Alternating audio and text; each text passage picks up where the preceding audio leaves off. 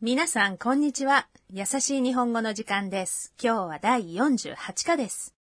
أهلا بكم مستمعينا الأعزاء في الدرس الثامن والأربعين والأخير من دروس تعلم اللغة اليابانية التي تأتيكم من راديو اليابان الدولي ل NHK World هذا البرنامج من تقديم كريمة سمني ورندا زيادة كيومو إشاني تناشكو بنكشيماشو والجملة الرئيسية اليوم هي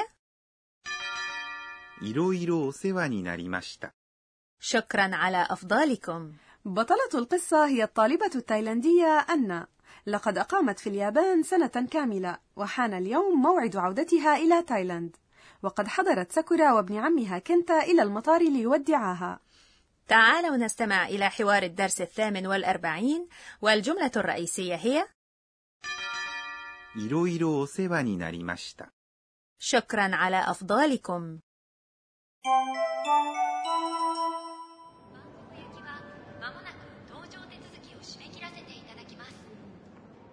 体に気をつけてタイに着いたら連絡してねはいいろいろお世話になりました健太さんとさくらさんもお元気で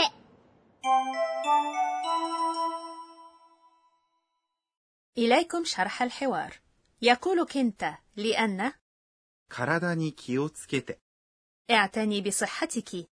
体 هو الجسم وأضيف إليه الحرف المساعد に الذي يعادل حرف الجر ب 気をつけて يعني كن حريصا انتبه اعتني وهي صيغة ت من الفعل 気をつけます أي يكون حريصا أو يعتني إنه أسلوب الطلب الدارج الذي حذف فيه اللفظ كوداساي الذي يأتي بعد كيوتكيتي نعم 気をつけて هو تعبير يقال أيضا عندما يخرج أحد أفراد الأسرة والشيء الذي يعتنى به يضاف إليه الحرف المساعد ني نعم وكذلك الشيء الذي نحترس منه كيف نقول احترس من السيارات السيارات هي 車 والجملة هي 車に気をつけて وبعد ذلك تقول ساكورا لأن タイに着いたら連絡してね عندما تصلين إلى تايلاند اتصلي بي タイ هي تايلاند に هو حرف مساعد يدل هنا على المقصد 着いたら يعني عندما يصل أو بعدما يصل الفعل هو 着きます أي يصل صيغة تا منه هي 着いた وأضيف إليها الحرف د هل تذكرين يا رندا أسلوب から الذي درسناه في الدرس الثلاثين؟ نعم بإضافة راء إلى صيغة تاء يصبح ترى وهو أسلوب الشرط بالضبط على أن ما درسناه في الدرس الثلاثين هو 雨に濡れたら風邪をひくよ أي إذا ابتللت بالمطر فستصاب بالبرد هذا أسلوب شرط قائم على الافتراض أما جملة اليوم タイに着いたら أي عندما تصلين إلى تايلاند فهي قائمة على شيء مؤكد تقريبا وهو الوصول إلى تايلاند وبالتالي ليس افتراضا والجملة هنا قائمة على إتمام الشيء المستقبلي كشرط لحدوث الأمر الآخر وما هو الأمر الآخر؟ 連絡して اتصلي بي وهي صيغة ت من الفعل 連絡します أي يتصل وأضيف إلى آخرها الحرف ね للتأكيد وأسلوب الطلب الأكثر تهذبا هو 連絡してください وأن تجيب はい نعم いろいろお世話になりました شكرا على أفضالكما وهي الجملة الرئيسية لهذا الدرس いろいろ هي صفة معناها متنوع お世話になりました يعني حرفيا تلقيت أفضالا وخدمات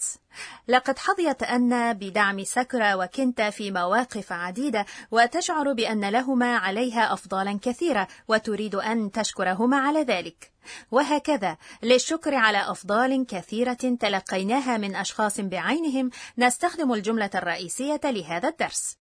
وتواصل أن حديثها قائلة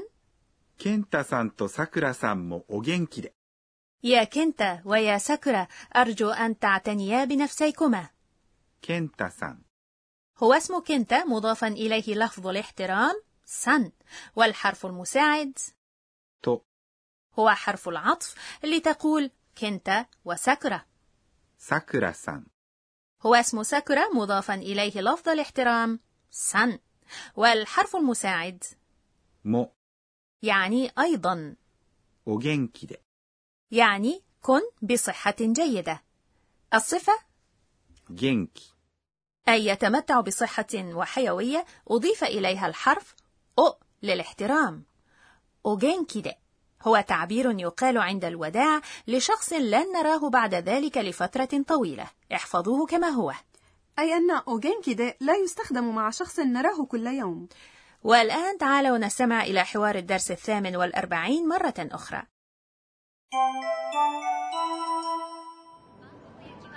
まもなく搭乗手続きを締め切らせていただきます体に気をつけてタイに着いたら連絡してねはい。いろいろお世話になりました。ケンタさんとさくらさんもお元気で。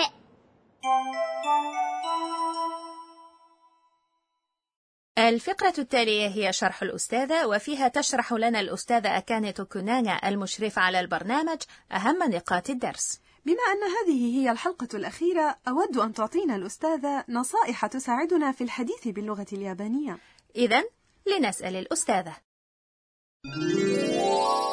私が教えましょう تقول الأستاذة كنانا لقد تعلمنا أساسيات اللغة اليابانية معا على مدى سنة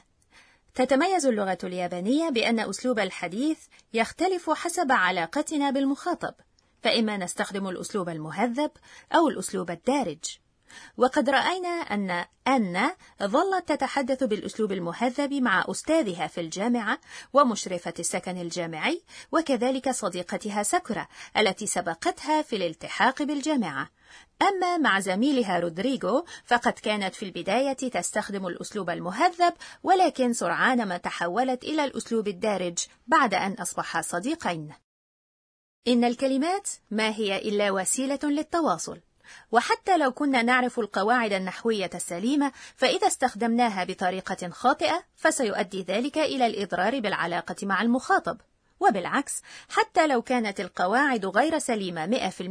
فإن شعورك بالرغبة في الحديث بالأسلوب المهذب احتراما للمخاطب أو بالأسلوب الدارج تعبيرا عن الصداقة الحميمة سيصل إلى المخاطب وأهم شيء هو التعود من خلال الحديث والممارسة والتكرار أتمنى لكم التوفيق كنا مع فقرة شرح الأستاذة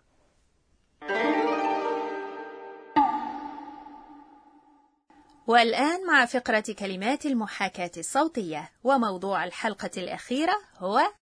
あはは。 صوت الضحك نعم あはは هي كلمة تصف الضحك بصوت عال وبفتح الفم وماذا عن هذا؟ هذا أيضا صوت الضحك نعم ولكن うふふ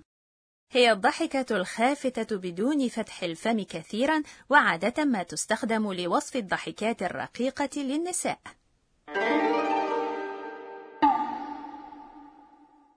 كنا مع كلمات المحاكاة الصوتية.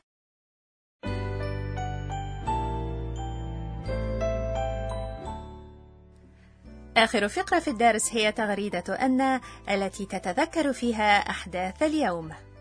えーっと、今日は、 وداعا لأصدقائي في اليابان سيونرى حتى نلتقي مرة أخرى عندما أحضر إلى اليابان في المرة القادمة سيكون مستوى إجادتي للغة اليابانية قد تحسن كثيرا بهذا وصلنا إلى نهاية الدرس الثامن والأربعين والأخير وكانت الجملة الرئيسية فيه いろいろお世話になりました شكرا على أفضالكم نشكركم على متابعتكم لدروس تعلم اللغة اليابانية على مدى سنة كاملة ونتمنى لكم من راديو اليابان الدولي NHK World النجاح والصحة والسعادة ميناسان أوغينكي دي سايونارا